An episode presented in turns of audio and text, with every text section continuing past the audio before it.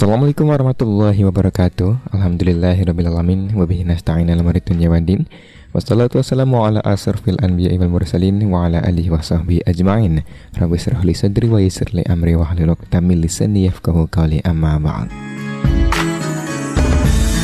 apa kabar? Anda semuanya sahabatku di pagi hari ini. Kami doakan kabar Anda semuanya dalam keadaan baik Dalam keadaan sehat walafiat Serta senantiasa dalam lindungan dan bimbingan Allah subhanahu wa ta'ala. Amin amin ya rabbal alamin. Alhamdulillah sahabatku di pagi hari ini. Kita dapat bersua kembali ya di ruang dengar Anda semuanya. Ya di Jumat pagi tentunya di program Ekonomi Syariah sahabatku.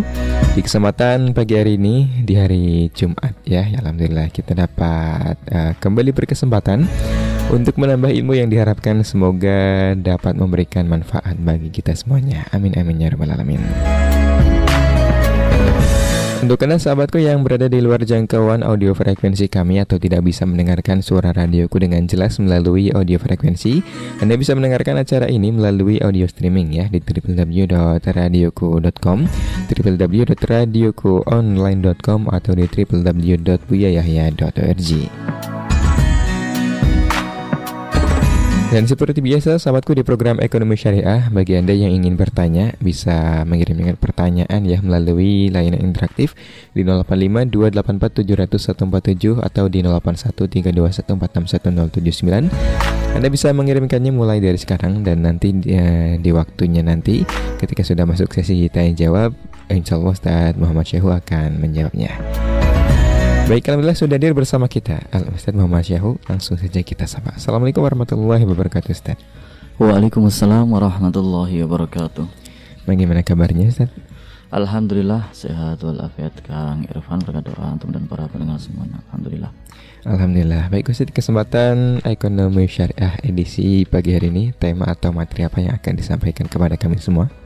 Insya Allah kita uh, masih melanjutkan pembahasan yang kemarin yaitu terkait dengan jual beli uh, anggota badan ya atau jual beli dari uh, bagian badan manusia uh, baik diri sendiri ataupun orang lain.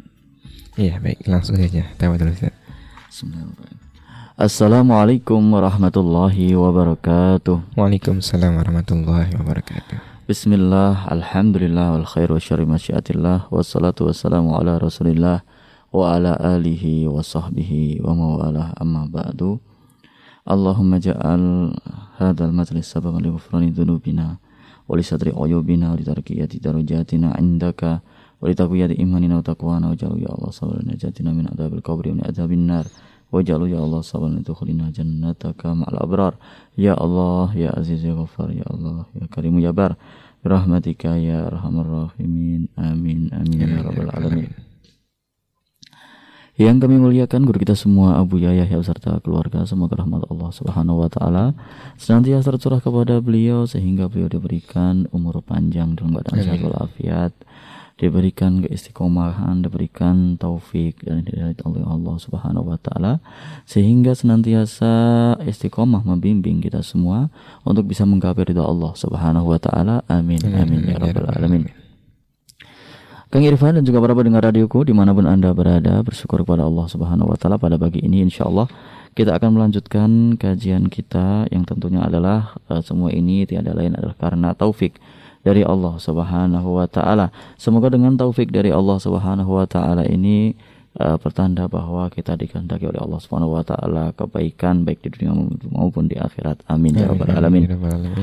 Salawat dan salam bersama-sama kita sanjungkan kepada Nabi Agung Muhammad sallallahu alaihi wasallam, kepada keluarga beliau, kepada sahabat beliau, kepada para tabi'in, kepada tabi'in tabi'in lahum dan semoga kita semua termasuk pengikut beliau yang berhak mendapatkan syafaat di dunia maupun di akhirat. Amin amin ya rabbal alamin. Kang Irfan dan juga para pendengar radio di mana pun anda berada perlu diketahui yang telah kita bahas kemarin terkait dengan jual beli anggota badan ada terkait dengan beberapa pembagian uh, anggota badan itu ya. Ada uh, terkait dengan orang yang meninggal dunia kemudian apakah ahli warisnya juga uh, punya hak ya untuk uh, bertransaksi atas anggota badan keluarganya itu Uh, kemudian uh, termasuk juga apakah orang yang masih hidup punya hak untuk uh, bertransaksi atas anggota badannya sendiri. Nah, ini juga apa namanya? menjadi suatu pertanyaan ya. Kemudian apakah seorang ibu punya hak untuk bertransaksi atas anggota badannya uh, janin yang sedang dikandung, uh, bayi yang sedang dikandung ya. Nah, kemarin terkait dengan uh, kalau secara medis mungkin ya uh, namanya perkembangan medis, perkembangan uh, ilmu kedokteran, maka uh, di situ mungkin ada kemungkinan-kemungkinan ya. Bahkan sekarang sudah katanya ada kemungkinan cangkok jantung ya. Hmm. Alam ya. Kemudian uh, ada juga uh, cang ya kalau cangkok ginjal sudah banyak sekali yang yang mana donor ginjal, kemudian kornea mata, kemudian uh, banyaklah hal-hal yang mungkin sudah uh, dengan perkembangan medis. Nah, yang uh, menjadi pertanyaan adalah terkait dengan hukumnya. Nah, kemarin kita bahas secara apa ringkas ya bahwa uh, jual beli anggota badan atau uh, baik dari milik diri sendiri ataupun milik orang lain itu adalah tidak diperkenankan. Kalau orang sudah meninggal dunia, anggota badannya di apa namanya diperjualbelikan, ya jelas karena uh, orang lain nggak memiliki uh, anggota badan orang lain. Kemudian kalau diri sendiri itu yang uh, dipertanyakan juga. Kalau diri sendiri misalkan uh, seperti yang kemarin kita bawakan terkait dengan kisah seorang ayah yang akan menjual ginjalnya untuk keperluan uh, ijazah anaknya ya, untuk keperluan sekolah anaknya. Nah, uh, kalau demikian apakah diperkenankan? Um, karena mungkin ada yang meng, uh, menganggap bahwa anggota badan itu adalah milik dia sendiri. Nah, Uh, sesungguhnya ketika apa namanya kita melihat bahwa anggota badan manusia ini uh, itu adalah bukan milik dia sendiri. Artinya uh, anggota badan ini semua adalah karunia dari Allah Subhanahu wa taala. Dan seseorang tidak punya hak atas anggota badan itu sehingga di dalam Islam tidak diperkenankan seseorang memotong jarinya sendiri uh, atau membuang apa namanya menyakiti diri sendiri itu pun tidak boleh hmm. bahkan membunuh diri sendiri itu juga tidak boleh ya. Uh, bunuh diri. itu tidak hmm. boleh uh, dalam Islam. Karena apa? Karena itu memang Allah Subhanahu Wa Taala memberikan kepadanya hidup memberikan anggota badan yang lengkap. Uh, itu semua adalah hak dari Allah Subhanahu wa taala. Sehingga kalau ada seorang dia punya jari jarinya disobek-sobek itu dia berdosa berdosa ya. Nah dia tidak memiliki ini uh, itu apa namanya memiliki anggota badannya.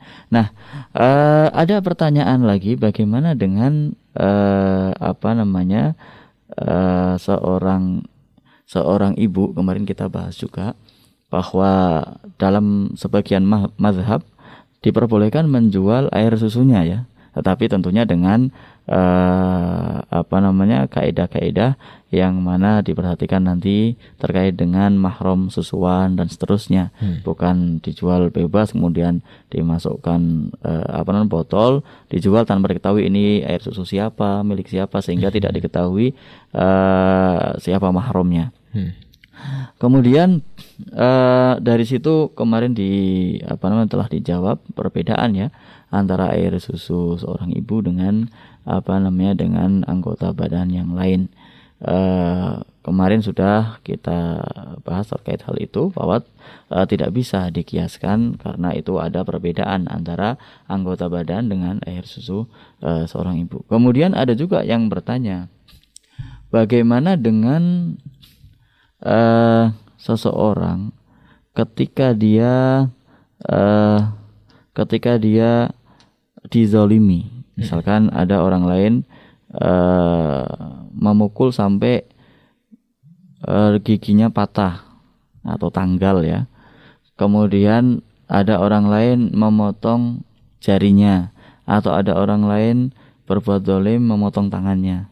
Ada orang lain e, berbuat jahat sampai menusuk kulitnya atau menusuk perut atau menusuk apa. Kemudian memukul kepala sampai berdarah sampai uh, sobek itu ketika orang dizalimi semacam itu di dalam Islam punya hak untuk menuntut diat hmm. diat itu adalah uh, awalnya boleh menuntut kisos kalau dia tidak menuntut kisos maka dia berhak mendapatkan diat hmm. uh, nah kalau dilihat diat itu adalah seolah-olah uh, sebagai harga dari anggota badan itu seolah-olah ini bukan uh, maksudnya kalau dilihat secara secara orang yang mungkin belum memahami bahwa oh berarti kalau memotong satu jari itu harganya lima ekor unta hmm. karena kalau salah itu satu jari itu lima ekor lima ekor unta uh, kemudian uh, kalau satu tangan 50 ekor unta.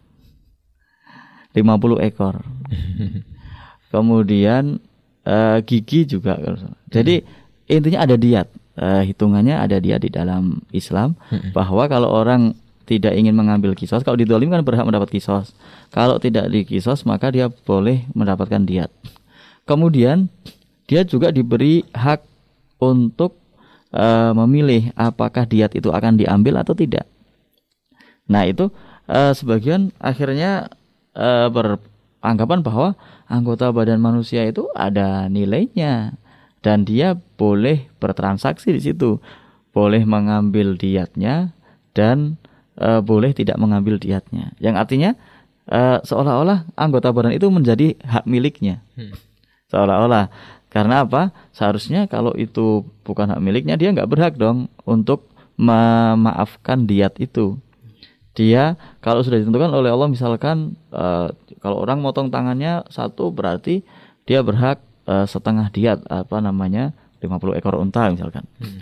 Nah, berarti ketika sudah ditentukan di uh, apa namanya dalam syariatnya demikian, maka orang yang uh, berhak diat itu tidak bisa menolak, tidak boleh menolak karena uh, ini sudah ketentuannya. Tetapi ternyata orang tersebut diberi hak untuk memilih antara mengambil diat dan tidak mengambil diat. Nah, di sinilah uh, dia diberi pilihan itu seolah-olah dia bertransaksi. Nah, ini ada pertanyaan semacam itu. Nah, berarti anggota badan dia itu dia boleh bertransaksi hmm. dengan kias dengan diat itu tadi. Hmm. Nah, insya Allah bagaimana keterangannya terkait hal itu? Apakah hal itu bisa dibenarkan atau tidak? Insya Allah nanti kita bahas setelah yang satu ini. Iya baik, terima kasih Ustaz atas pemaparan materinya di segmen pertama kali ini mengenai jual beli anggota badan ya. Dan untuk kalian sahabatku, jangan ke mana-mana ya, karena kita di segmen kedua nanti akan kembali melanjutkan pembelajaran kita bersama Ustaz Syahu. Untuk Anda, tetap di radioku Inspirasi Spirit Hati. Radioku Inspirasi Spirit Hati. Masih dipancar luaskan dari Kompleks Lembaga Pengembangan Dakwah Al-Bahjah Sendang Sumber Cirebon. Baik sahabatku, Anda kembali bersama kami ya dalam program Ekonomi Syariah di kesempatan pagi hari ini bersama Al Ustadz Syahu. Dan di segmen kali ini langsung saja Ustadz untuk melanjutkan materinya. Terima kasih Terima kasih Kang Irfan dan juga para pendengar radioku di mana pun Anda berada. Semoga rahmat Allah Subhanahu Wa Taala senantiasa tercurah kepada kita semua. Amin, amin, amin, ya, ya rabbal alamin. Uh, pada segmen sebelumnya kita membahas terkait dengan uh, pertanyaan apakah uh, menjual belikan anggota badan di, bisa dikiaskan uh, atas hak uh, mengambil diat uh, dan uh, apa namanya tidak mengambilnya atau memaafkannya. Nah di sini uh, terkait hal itu yang tadi sudah dijelaskan di segmen pertama, maka jawabannya adalah diambil dari uh, Imam Ash-Shatibi yang sangat jelas sekali ya. Li'anna nujibu bi anna ihya an-nufus ini Imam Syatibi di kitab Al-Muwafaqat berkata لأن نجيب بأن إحياء النفوس وكمال آه، وكمال الأكل والأجسام من حق الله تعالى في العباد لا من حقوق العباد. وكون ذلك لم لم يجعل إلى اختيارهم لم يجعل إلى اختيارهم هو الدليل على ذلك. فإذا أكمل الله تعالى على عبد حياته وجسمه أكله الذي به يصل ما طلب به من القيام بما كلف به فلا يصفه للعبد إسقاطه. Jadi uh, Allah Subhanahu wa taala memberikan kepada seorang hamba uh, kehidupan. Seperti tadi yang kita terangkan memberikan kehidupan. Allah Subhanahu wa taala memberikan kepada seorang hamba kehidupan kemudian memberikan akal yang sempurna memberikan uh, anggota badan yang sempurna. Kemudian itu semua uh, adalah hak Allah Subhanahu wa taala atau milik Allah Subhanahu wa taala dalam seorang hamba. Karena Allah yang memberikan. Hmm. Allah memberikan kehidupan, memberikan akalnya sempurna, memberikan anggota badannya sempurna, sudah diberikan oleh Allah kepada seorang hamba dan itu milik Allah, haknya Allah Subhanahu wa taala. Bukan haknya hamba. Bukan hak, haknya hamba. Hmm. Nah, uh, apa buktinya bahwa itu adalah haknya Allah, bukan haknya seorang hamba? Buktinya adalah bahwa uh, hidup seseorang, kemudian akal seseorang, uh, dan anggota badan seseorang itu orang ketika dia akan mendapatkan itu semua bukan atas dasar pilihan dia. Misalkan seseorang diberikan oleh Allah Subhanahu wa taala uh, anggota badannya lengkap warnanya misalkan sawo matang uh, maka ini adalah pemberian Allah dia tidak bisa memilih. Tidak ya Allah saya milih yang hitam saja. Kan nggak bisa. Kemudian diberi akalnya sempurna. Dia juga tidak bisa memilih. Ya Allah saya berikan akalnya nggak sempurna saja. Kan nggak bisa. Jadi itu memang bukan atas pilihan seorang hamba. Hmm. semua itu adalah uh, memang pemberian Allah subhanahu wa taala. Murni. Pemberian Allah subhanahu wa taala. Tidak ada campur tangan manusia. Bahkan ya Allah saya uh, berikan hidup eh, uh, 10 hari saja. Nggak ada. Dia semuanya Allah yang menentukan nah di situlah uh, sebagai bukti bahwa itu adalah hak Allah milik Allah. Uh, kemudian uh, mohon maaf ada orang yang lahir memang uh, tidak sempurna. Ada yang tidak sempurna maka itu dia juga bukan pilihan dia. Itu pemberian Allah begitu. Semacam itu. Maka di sini menunjukkan bahwa itu adalah hak Allah untuk memberi orang semuanya sempurna penuh warna sawo matang atau putih atau hitam atau apa. Itu adalah hak Allah Subhanahu wa taala. Dan itu menjadikan bukti bahwa itu adalah milik Allah Subhanahu wa taala. Kemudian ketika Allah sudah menyempurnakan pada seorang hamba diberi hidup ya kan? Diberi ruh sehingga dia hidup. Kemudian diberi anggota badan sempurna diberi akal sempurna. Yang semua itu adalah untuk apa? Mendukung apa yang diwajibkan atas hamba tersebut yaitu untuk melaksanakan Islam untuk bersyahadat, hmm. untuk sholat, uh, zakat, untuk beriman dan seterusnya, itu semua adalah Allah berikan secara sempurna agar apa? Dia bisa melaksanakan kewajibannya, yaitu manusia tidak diciptakan kecuali untuk ber, beribadah. Maka uh, dia wajib beribadah, uh, dihukumi mukallaf, diberikan hukum sebagai orang yang mukallaf adalah ketika Allah memberikan kesempurnaan. Hmm. Adakah Allah tidak memberikan akal sempurna kan tidak mukallaf. Hmm semacam itu atau badannya nggak sempurna misalkan dia tidak bisa mendengar dan tidak bisa melihat sama sekali maka uh, dia tidak terkena taklif tidak uh, punya kewajiban nah dengan Allah memberikan yang sempurna semacam itu sehingga dia uh, bisa melaksanakan taklif, bisa melaksanakan kewajiban-kewajibannya, maka seorang hamba tidak punya hak untuk apa? Untuk menghilangkan itu semua. Misalkan dia sudah berikan akal sempurna, kemudian dia, waduh, saya punya akal sehingga saya harus sholat, saya harus puasa, saya harus zakat, saya harus uh, apa namanya melaksanakan syariat secara sempurna kewajiban-kewajiban. Maka saya tidak ingin punya akal sehat. Akhirnya dia minum obat sehingga dia menjadi orang gila. Itu dosa. Kenapa dosa? Karena Allah sudah memberikan kesempurnaan agar engkau bisa melaksanakan ibadah. Kenapa engkau menghilangkan kesempurnaan yang Allah berikan itu? Itu hak Allah. Jadi uh, tidak boleh seorang hamba apa namanya dengan sengaja menghilangkan akalnya, atau dengan sengaja dia menghilangkan penglihatan dan uh, apa namanya dan telinganya dan pendengarannya, sehingga dia apakah minum obat, apakah dia menggunakan apa yang mana sehingga dia tidak bisa melihat, tidak bisa mendengar, maka dia tidak terkena taklif. Nah dari situlah uh, seorang hamba tidak diperkenankan untuk uh, menghilangkan, menggugurkan dari apa yang sudah Allah berikan kepadanya, sehingga uh, apa yang Allah berikan kepadanya itu adalah sebuah uh, apa namanya, sebuah alat untuk uh, dia bisa melaksanakan tugas-tugasnya di di dunia.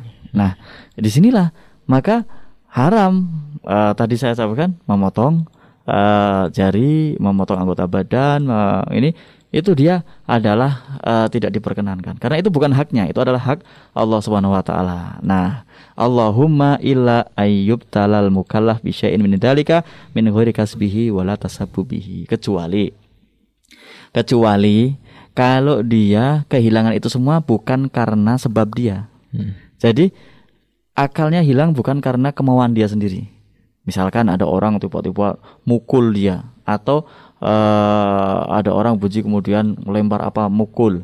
Nah, uh, sampai kepalanya terbentur dan akalnya hilang misalkan sehingga dia menjadi orang gila. Nah, kalau itu kan bukan atas kehendak dia. Hmm. Kemudian juga ada orang zolim dan sebagainya memotong tangannya. Berarti kan bukan kehendak dia ingin tangannya dipotong agar saya tidak wajib membasuh tangan ketika wudhu misalkan. Hmm. Nah itu kalau bukan atas kehendaknya, bukan karena sebab dia sendiri dalam menghilangkan apa yang Allah berikan itu, maka di situlah akan nampak dia punya hak untuk menuntut apa? Atas haknya yaitu kemanfaatan yang dia dapatkan dari Allah yang Allah berikan. Ternyata dihilangkan oleh orang lain hmm. yaitu orang berbuat zalim. Maka saat itu dia berhak mendapatkan uh, apa namanya hak kisos dan hak diat jadi hak kisos dan hak diat itu bukan karena dia memiliki anggota badannya, tetapi karena Allah sudah memberikan uh, kesempurnaan itu dan dia berhak memanfaatkannya. Ketika ada orang menghilangkan kemanfaatan ini dengan memotong tangannya, maka dia berhak menuntut atas haknya, yaitu hmm. kemanfaatan yang seharusnya dia dapatkan atas anggota badan tersebut.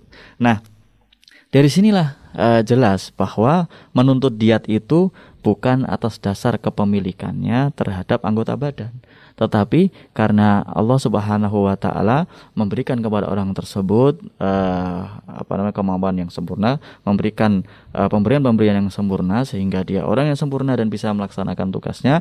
Kemudian semua pemberian Allah itu adalah uh, ditujukan untuk kemanfaatan orang tersebut, uh, pribadi hamba tersebut, terutama di dalam melaksanakan ibadah kepada Allah Subhanahu wa taala. Maka saat ada orang lain melakukan kejahatan kepada orang tersebut, maka uh, dia berhak untuk menuntut. Nah, dia berhak untuk menuntut.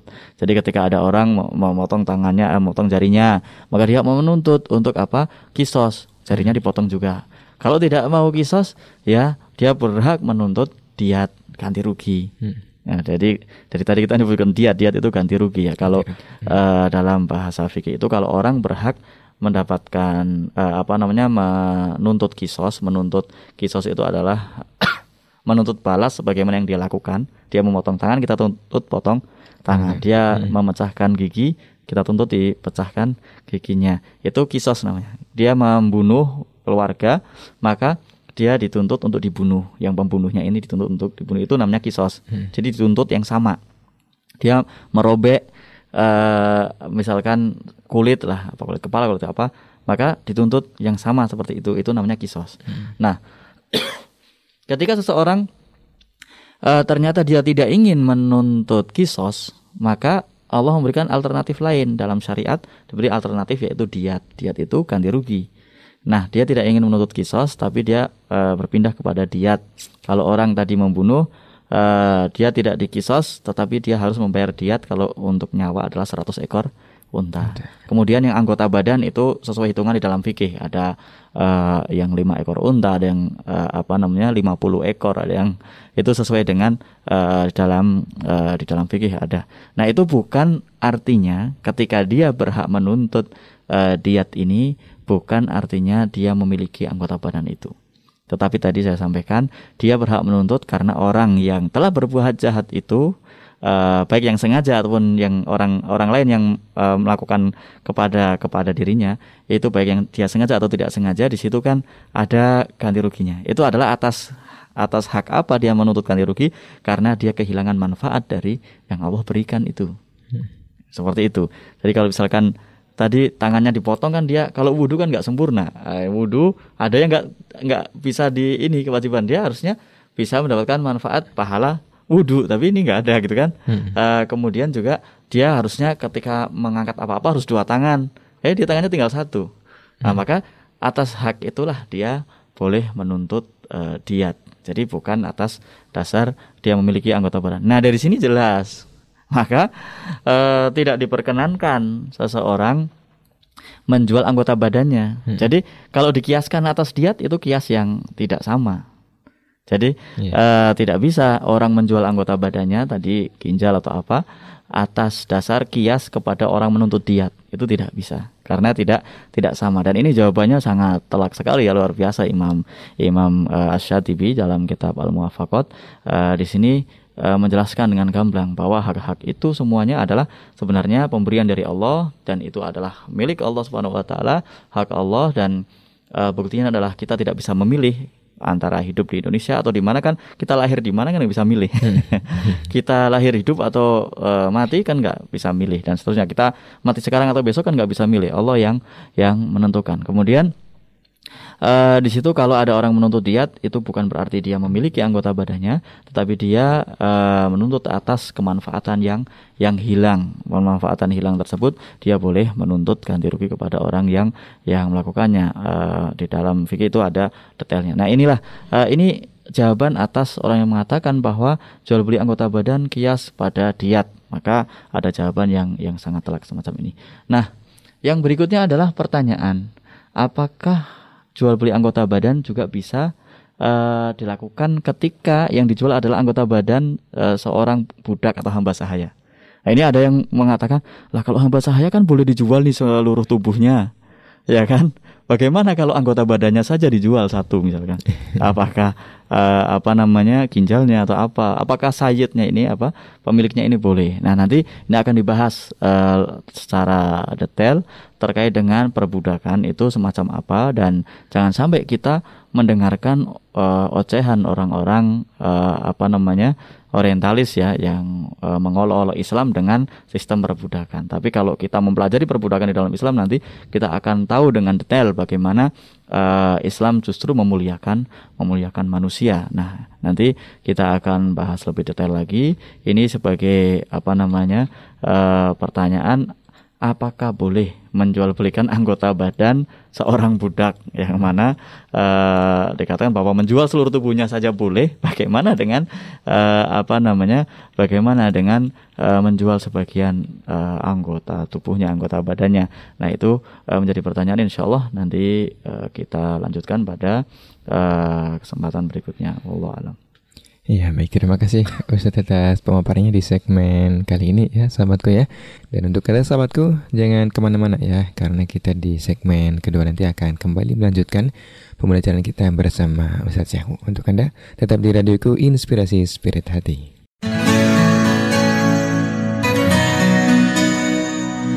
Radioku Inspirasi Spirit Hati. Masih dipancar luaskan dari Kompleks Lembaga Pengembangan Dakwah Al-Bahjah Sendang Sumber Cirebon. Baik sahabat kita kembali dalam program Ekonomi Syariah ya dan informasi bagi Anda. Untuk Anda yang ingin bertanya langsung kepada Ustadz Sehu Anda bisa menghubungi di 085 284 700 atau bisa melalui SMS dan WhatsAppnya di 081 321 461 079 Baik kita ke kembali ke materi sahabatku ya eh, mengenai jual beli anggota badan dan uh, tidak diperbolehkan sahabatku ya untuk menjual anggota tubuh badan itu. Baik Ustaz, uh, sepertinya kita melanjutkan saja uh, pelajaran kita di kesempatan pagi hari ini kemudian langsung masuk ke sesi pertanyaan. Tafadhol Ustaz. Terima kasih Kang Irfan dan juga para pendengar radio di mana pun Anda berada. Semoga rahmat Allah Subhanahu Wa Taala senantiasa tercurah kepada kita semua. Amin. Amin. Ya Rabbal Alamin. Ya Rabbal Alamin. Uh, kita lanjutkan yang tadi uh, pertanyaan pada segmen sebelumnya ya terkait uh, ketika dalam sistem apa namanya uh, rik ya di dalam apa namanya di dalam Islam tetapi biasanya nanti uh, uh, di dalam di dalam fikih itu ada bab terakhir namanya babul itki ya. Uh, bab yang menerangkan tentang memerdekakan hamba sahaya atau memerdekakan budak. Ada di situ Kemudian di tengah-tengah sebelum bab itu ada banyak beberapa pembahasan terkait dengan uh, memerdekakan budak yaitu uh, di antara adalah kafarot ya dalam bab puasa sudah disebutkan terkait kafarot orang yang uh, membatalkan puasa dengan berhubungan uh, suami istri ya. Kemudian setelah itu dalam uh, bab, bab berikutnya juga ada nanti ada dalam bab pernikahan, ada juga di dalam uh, apa namanya bab orang yang bersumpah dan seterusnya ya. Yang mana di situ uh, juga dalam bab uh, jinayat ya kriminal itu juga uh, terkait dengan kejahatan-kejahatan banyak yang uh, apa namanya juga di dalam uh, di dalam kafarotnya itu memerdekakan hamba saya. Jadi memerdekakan hamba saya itu sudah dibahas dalam beberapa bab sebelum nanti bab terakhir ada namanya kitabul itki uh, atau babul itki yang mana menerangkan terkait dengan memerdekakan hamba saya.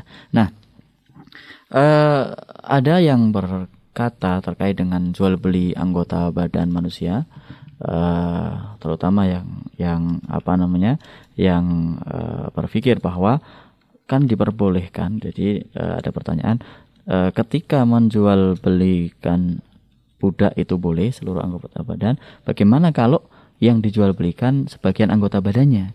Bagaimana kalau yang diperjualbelikan misalkan uh, ginjalnya atau apa gitu salah satu dari anggota badannya. Hmm. Nah, di sini perlu diketahui dulu bahwa uh, sistem budak atau sistem hamba sahaya yang ada di dalam di dalam Islam itu uh, apa namanya tidak seperti yang uh, disalahfahami oleh sebagian orang yang tidak mempelajari Islam secara keseluruhan. Jadi ada beberapa orang yang tidak mempelajari uh, ajaran Islam hanya mendengar saja budak, budak, budak, budak sehingga dia uh, salah persepsi terhadap apa yang dimaksud budak di dalam Islam. Kemudian uh, nanti boleh dijual belikan, uh, nanti boleh dipilih di pasar di ini. Nah, uh, kemudian dia tidak punya hak apa namanya atas hartanya. Uh, bahkan budak ini uh, apa namanya hanya bekerja dan diberi makan dan tempat tinggal pakaian gitu. Tidak ada hak memiliki hasil kerjanya. Itu yang didengung-dengungkan karena mereka hanya mendengar itu saja. Karena tidak mempelajari secara keseluruhan tidak mempelajari uh, secara uh, komprehensif ya. Tidak tidak semuanya dicakup dalam bab-bab tadi yang saya sebutkan juga uh, dari awal apa namanya fikih itu sudah membahas terkait uh, memerdekakan budak. Yang sampai nanti di terakhir itu biasanya ada kitabul itki atau babul itki di situ ada. Uh, di beberapa kitab fikih yang ada uh, boleh dilihat pasti bab terakhirnya adalah bab itu bab memerdekakan hamba saya sebagian ulama menyebutkan kenapa kok ini ditaruh terakhir sendiri? gitu. Uh, bab ini. Uh, ada yang menyebutkan bahwa dengan harapan setelah kita belajar ilmu fikih semua terakhir kita berharap uh, dimerdekakan dari api neraka itu jadi Eh, kemerdekaan atau pembebasan itu yang difahami oleh para ulama e, nantinya adalah kita dibebaskan dari api neraka nanti di di akhirat. Selain itu juga memang e, dalam bab memerdekakan hamba sahaya ini yang dibahas oleh para ulama adalah bahwa itu pahalanya sangat luar luar biasa sehingga e, siapa yang memerdekakan hamba sahaya maka dia e, bagaimana dia memerdekakan hamba sahaya itu dia akan dimerdekakan dari api neraka uh, setiap anggota badan dari uh, dari budak itu yang yang sudah dimerdekakan itu menjadi uh, apa namanya pembebas orang yang memerdekakan itu dari setiap hmm. anggota badannya. Tapi itu juga uh, tidak uh, difahami salah arti sehingga kalau budaknya anggota badannya nggak lengkap nanti berarti yang uh, bebas dari api neraka anggota badan juga nggak lengkap tidak semacam itu. Itu hanya uh, apa namanya sebuah uh, apa namanya pemberian kabar gembira ya. Pokoknya intinya adalah kalau orang memerdekakan hamba saya dia akan dimerdekakan dari api api neraka. Nah di sini perlu dibahas bahwa adanya uh, orang dijadikan budak itu adalah uh, salah satu dari bentuk uh, politik ya siasa hmm. uh, siasa syariah sehingga uh, seorang imam atau kalau kita nyebutnya adalah pemimpin uh, negara atau pemimpin pemerintahan itu ketika uh, terjadi suatu perselisihan uh, dengan apa namanya non muslim ya dengan apa namanya orang-orang yang memusuhi Islam orang-orang uh, orang-orang kafir harbi. Ketika mereka memusuhi kita kemudian terjadilah peperangan antara orang yang memusuhi kita dengan kita. Orang muslim dengan orang uh, kafir harbi yang memusuhi kita. Ketika terjadi peperangan semacam itu maka setelah peperangan uh, selesai uh, berhenti biasanya nanti ada di antara orang-orang uh, kita yang tertangkap oleh mereka ditawan ada juga orang-orang kita yang Eh, orang-orang mereka yang ditawan oleh kita ketangkap Nah, itu dalam peperangan zaman dahulu yang mana perangnya kan jarak dekat sekali ya antara mereka pakai pedang, tombak, paling jauh pakai panah. Hmm. Zaman dulu kan.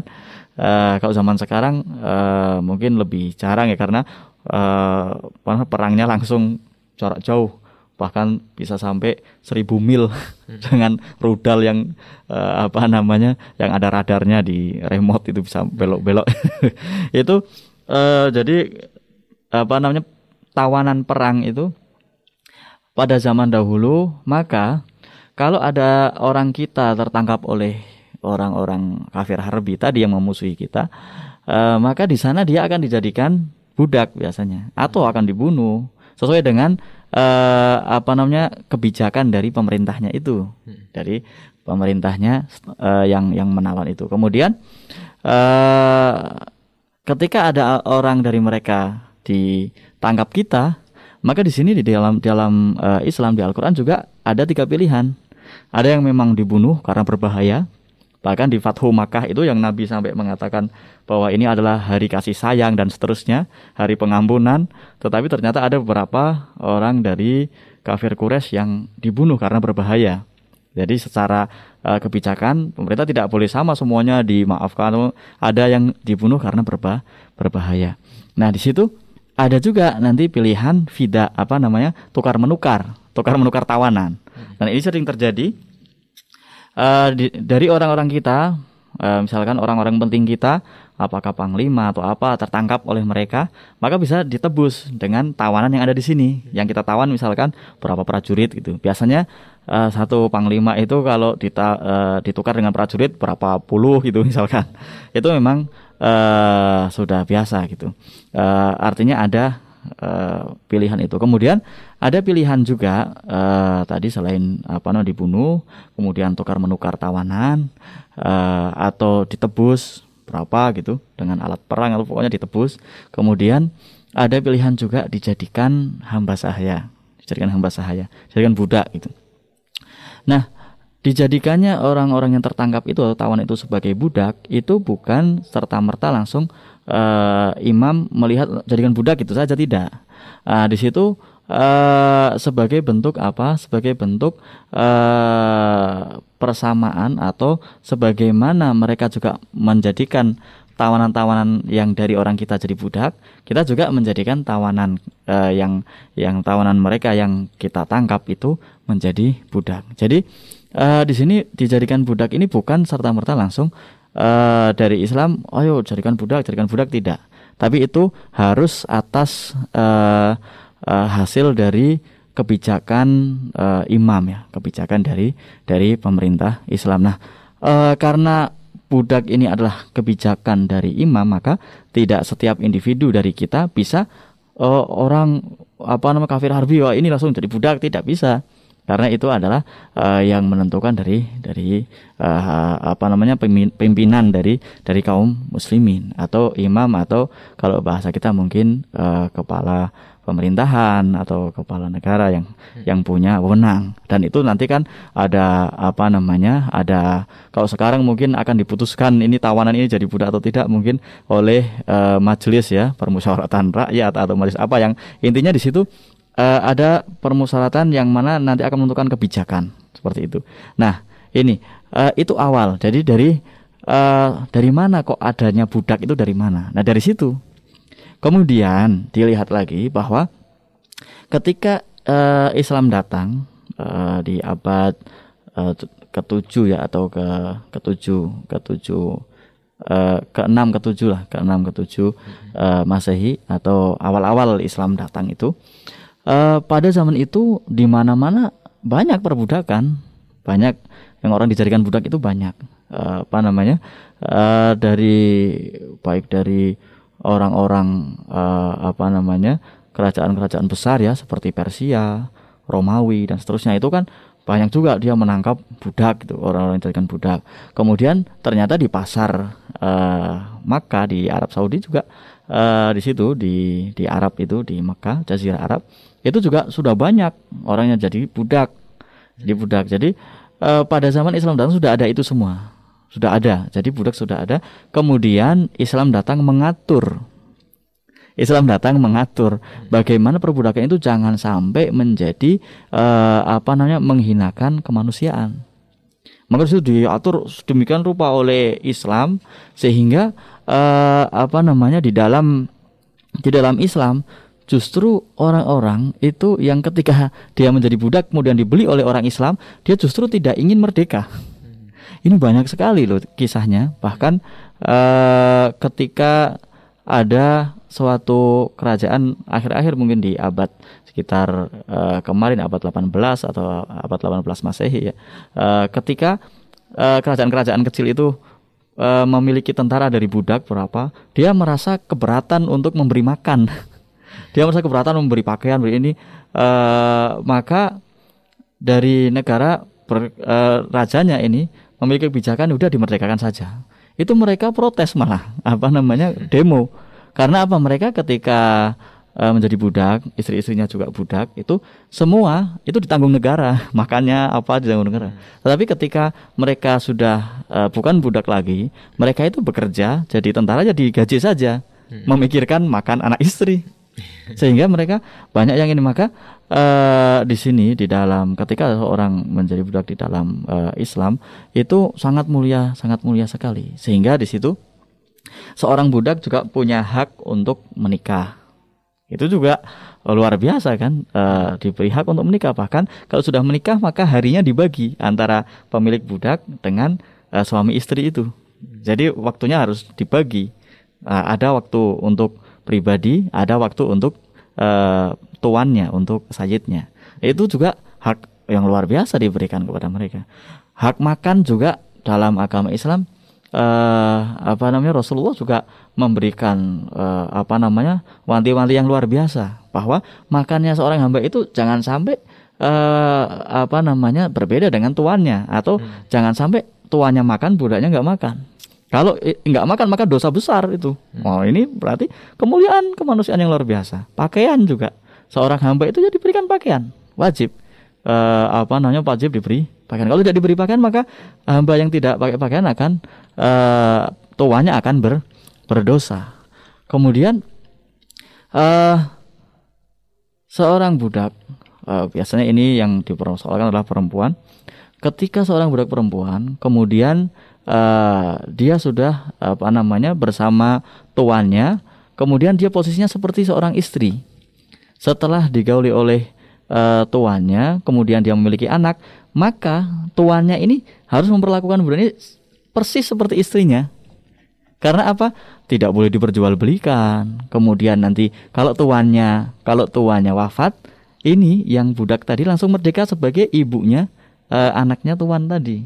Nah ini, ya ini posisi memposisikan budak seperti istrinya sendiri. Artinya berarti orang merdeka dan dimuliakan dan masya Allah luar biasa. Nah inilah uh, banyak sekali hal-hal yang yang perlu dipelajari lebih detail lagi terkait dengan uh, perbudakan ini atau terkait dengan sistem budak ini dan uh, sekarang ini pada zaman ini uh, secara syariat atau nama apa namanya secara hukum fikih itu sudah tidak ada yang namanya budak. Jadi budak yang yang apa namanya budak yang sebagaimana diistilahkan di dalam fikih itu sudah boleh dikatakan punah sudah tidak ada.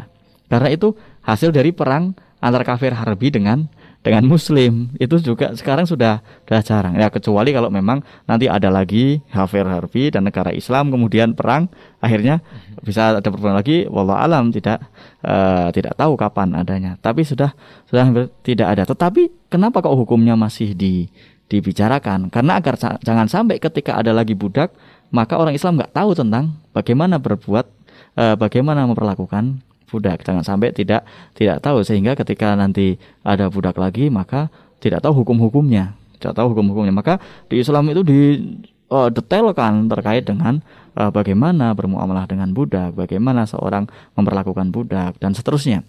Itu harus harus lebih jelas. Kalau sekarang ada perbudakan uh, orang yang itu perbudakan uh, kejahatan ya hmm. apa namanya kriminalitas itu bukan bukan perbudakan sebagaimana syariat itu karena jual beli manusia merdeka sekarang itu uh, ada orang-orang ditipu katanya kerja luar negeri ternyata di sana dijadikan budak apa dengan budak apa.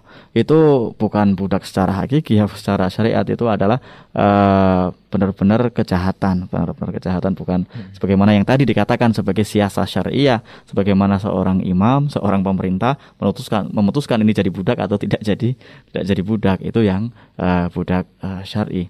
Insya Allah terkait dengan uh, perbudakan ini nanti kita akan lanjutkan uh, mungkin barangkali nanti kita membahas uh, terkait tanya jawab yang sudah masuk uh, ke sosial media ya. Uh, yeah. Kemarin sudah kita bahas uh, oleh Mas Johana sampai pertanyaan nomor berapa itu? Mm-hmm. Uh, kemarin ada uh, pertanyaan sudah sampai ke pertanyaan uh, yang ini yang pada tanggal 5 Juni ini. 5 pertanyaan yang masuk ya ini. Yang dari Cilacap. Uh, ini sampai kemarin ada uh, ini yang yang masuk dari bulan Ramadan tanggal 22 hmm. Ramadan ini belum dibahas juga ini. Hmm. Ini ada yang pertanyaan tanggal 22 Ramadan itu di situ tuliskan Jumat 22 Ramadan ada pertanyaan masuk uh, mungkin bisa dibaca ya yeah. di situ. Ya, yeah, baik. Irfan bacakan saja dari nomor digit terakhir 2814. Assalamualaikum warahmatullahi wabarakatuh. Ini dengan hamba Allah dari Garut mau bertanya. Ustaz apa hukumnya uh, sekarang kan banyak yang mengadakan arisan ya terus untungnya diambil duluan seperti arisan 10 orang bayarnya 20.000 dikalikan jadi 200.000 terus dipotong 10 ribu. Dikali 10 orang jadikan untungnya jadi 100 ribu. Itu bagaimana hukumnya Ustaz? Ini terkait dengan apa namanya arisan. Tetapi ini di sini mungkin penjelasannya kurang kurang detail ya. Bahwa ada 10 orang arisan hmm. ya. Kemudian eh, setiap orang ini arisannya adalah 20 ribu. Berarti nanti 200 ribu ya yeah. kemudian orang yang ini yang koordinir biasanya itu uh, dia diberi upah sepuluh ribu. Ya yang orang orang yang koordinir ini. Jadi hmm. nanti yang dapat arisan uh, dia dapatnya bukan 200 tetapi 190 hmm. karena apa? Karena uh, untuk yang koordinir dapat sepuluh ribu. Kemudian dikali 10 orang. Uh, maka uh, jadi dia dapatnya 100 ribu. Ya jadi dapatnya 100 ribu uh, itu bagaimana hukumnya. Nah ini juga tidak detailkan apakah kali 10 orang setiap satu orang apa namanya uh, dipotong 10 ribu atau bagaimana? Karena di sini kan uh, kalau setiap satu orang langsung dipotong 10 ribu setiap setiap iuran biasanya pada nggak mau ya. iuran 20 ribu masa 10 ribu untuk upah dia sehingga dia tidak. Jadi biasanya begini, biasanya ini uh, lebih sangat ringkas ya ininya. Uh, biasanya begini, kelompok masyarakat, ibu-ibu taruhlah 10 orang ya, hmm. itu akan arisan 20 ribuan. Nanti pada Jumat ini misalkan, itu yang dapat orang pertama ya dia harusnya dapat 200 ribu. Tetapi yang uh, orang pengelolanya biasanya ngurusi itu, biasanya dia minta upah 10 ribu. Ketika dia dapat 200, diminta 10 ribu sebagai upah. Hmm. Nanti Jumat depan juga begitu, yang dapat orang kedua harusnya dapat 200 ribu. Nah dia uh, apa namanya minta sepuluh ribu sehingga yang dapat hanya seratus sembilan puluh ribu. Begitu seterusnya sampai sepuluh orang orang yang ke sepuluh dia juga dapatnya begitu. Nah yang ditanyakan ini bagaimana kalau dia minta langsung uh, dari sepuluh orang itu dia langsung dapat seratus ribu gitu diminta sekarang. Nah uh, ini kalau di apa namanya di uh, kocokan pertama dia langsung minta seratus ribu. Ya kasih yang dapat pertama cuma seratus ribu. Gimana nanti ya kan? Hmm. iya jadi uh, apa namanya kita tidak tahu sisanya bagaimana kok ini diminta untungnya lebih dulu gitu maksudnya upahnya itu. Nah yang perlu disoroti adalah terkait dengan arisan ini. Itu sebenarnya apa? Nah arisan ini kan sebenarnya uh, orang yang bersama-sama nanti dia eh, apa namanya patungan untuk membantu temennya itu. Jadi 10 orang itu gantian ingin membantu sebenarnya eh, satu orang ini ingin dibantu setiap orang membantu 20 ribu. Jadi nanti orang yang ini yang dapat itu dia uh, dibantu oleh kawan-kawannya. Hmm. Uh, dan bantuan itu mereka berharap tidak cuma-cuma, tetapi nanti pada gilirannya dia juga akan dibantu. Hmm. Nah di sini uh, mungkin lebih uh, masuk kepada hutang piutang. Jadi seolah-olah pada uh, pekan pertama sekarang itu sembilan temennya itu memberikan hutang kepada yang dapat pertama. Kemudian uh, masing-masing memberi hutang dua puluh ribu, dua puluh ribu, dua puluh ribu. Berarti si yang pertama dapat ini dia hmm. punya hutang kepada sembilan temennya itu dua puluh ribu, dua puluh ribu, dua puluh ribu. Dapat temennya itu semuanya uh, dia hutang kepada mereka. Kemudian pada uh, pekan kedua maka orang kedua yang dapat ini juga dia berhutang kepada teman-temannya itu. Hmm. Nah kepada orang yang pertama dia berarti uh, mendapatkan sahuran apa namanya bayaran hutangnya dia dia kan pada pekan kemarin memberi hutang kepada orang pertama sekarang hmm. orang pertama membayar kepada orang kedua hmm. ya kemudian uh, pada minggu ketiga pada pekan ketiga orang yang pekan ketiga ini mendapatkan hutang dari teman-temannya yang lain. Hmm. kemudian dia berarti uh, dari orang yang pertama dan kedua mendapat uh, apa namanya bayaran dari ketika dia menghutangkan kepada mereka. Nah uh, di sini bagaimana uh, semacam itu ketika di ini kan ini kalau kita uh, sistemkan itu adalah hutang. Kalau kita sistemkan sebagai hutang berarti semuanya harus harus dapat semua nanti berarti terbayar semua masing-masing hutangnya ter terbayar jadi ketika yang pertama dapat itu dia akan membayar hutangnya kepada sembilan orang selama hmm. sembilan pekan ya kan selama sembilan pekan dia akan hmm. pada pekan ini berarti dia membayar kepada temannya yang kedua pada pekan berikutnya dia akan temunya ke tiga dan seterusnya hmm. sampai yang terakhir. Nah begitu pula yang ini yang kedua dan seterusnya itu semacam uh, semacam itu. Jadi ini kalau kita uh, hitung sebagai apa namanya hutang antara mereka. Nah ada pun orang yang ngumpulkan biasanya kan dapat upah. Hmm. Dapat upahnya dari siapa? Dari yang orang dapat uh, hutangan ini karena dia mengkoordinir, mencatat, nagih ke sana kemari gitu kan. Mm-hmm. Maka dia dapat upah. Jadi ini bahasanya bukan untung ya. Karena dia upahnya dia itu nyatetin apa. Jadi kalau bahasanya untung itu seolah-olah jual beli. Dan dia kan tidak memberikan hutang kepada siapa saja, dia hanya salah satu anggota ya sama dengan yang lain memberi hutang ke temennya gitu semacam itu. Hmm. Nah, ini e, arisan, maka ketika ada orang arisan sudah dapat kok dia tidak ikut lagi, Nah ini orang zolim dia kan e, sebenarnya sedang mengambil haknya orang banyak kan hmm. orang pada ngutangin kepada dia kok dia tidak mau membayar karena ini orang yang ikut arisan itu kan dalam hatinya dia juga biar dapat e, apa namanya agar untuk e, apa sebagaimana dia juga membayar. Hmm. e, jadi sebagaimana dia membayar dia juga e, dapat. Artinya itu ada sebenarnya uangnya dia sendiri ya kan? Hmm. apalagi kalau dapatnya ingin yang terakhir. Berarti dia sudah memberi hutang kepada orang semuanya. Nanti yang terakhir dia dapat dia berarti seolah-olah dia nabung. Hmm. di teman-temannya itu nanti kan semuanya memberikan ke dia. Nah itu di situ. Ini kalau uh, sistem arisan yang apa namanya yang jujur ya. Hmm. kalau uh, ada sistem arisan yang begitu yang tadi orang sudah dapat pergi ya kan yang giliran yang terakhir dia dapatnya sedikit karena orangnya pada pada hilang. nah itu di situ. Tetapi uh, begini sebaiknya uh, semuanya itu dicatat dengan baik, uh, semuanya dicatat dengan benar sehingga apa? Semuanya dapat haknya masing-masing. Karena hmm. itu adalah sebenarnya tolong menolong antar sesama, tolong menolong antar sesama agar apa? Barangkali si fulan, apalagi kalau yang dapatnya itu uh, sesuai kerelaan. Nah ini banyak di kampung-kampung juga dapatnya itu bukan dikocok, tapi sesuai kerelaan. Siapa yang butuh hmm. apa pekan ini itu ada yang semacam itu. Hmm. Jadi yang butuh pekan ini, oh ya Fulan langsung dikasihkan ke Fulan. Kemudian siapa yang butuh uh, pekan depan? Itu ada begitu ada yang bagaimana Bu Fulana? Misalkan Bu ini uh, saya belum saya nanti pekan ke berapa? Karena saya mau nyunatin anak. Jadi seperti itu itu tolong menolong antar tetangga. Itu ada yang semacam itu tidak dikocok tapi siapa yang butuh. Kalau yang butuh dua baru uh, siapa yang lebih butuh gitu. Hmm. ini ada yang semacam itu. Ada yang kalau butuh dua uh, semacam itu. Nah uh, di situ adalah tolong menolong sesama dan itu kalau memang apa namanya anda uh, niatkan tolong menolong bagus Tetapi sini yang perlu diperhatikan orang yang tadi yang apa namanya koordinir itu jangan sampai nyebut keuntungan karena dia itu adalah pekerja ya. Dia apa namanya nyatetin ke sana kemari.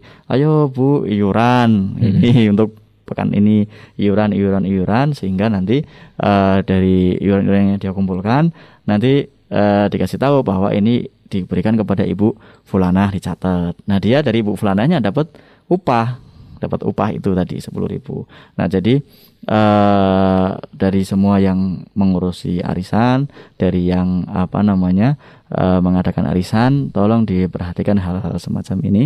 Uh, jangan sampai nanti dalam arisan itu malah uh, apa namanya ada ada uh, unsur ribanya jangan sampai dalam arisan itu nanti ada unsur kezaliman hmm. sehingga yang pertama dapatnya full misalkan dua ratus ribu uh, dikurangi paling sepuluh ribu ternyata yang terakhir dapatnya cuma lima puluh ribu karena orangnya habis.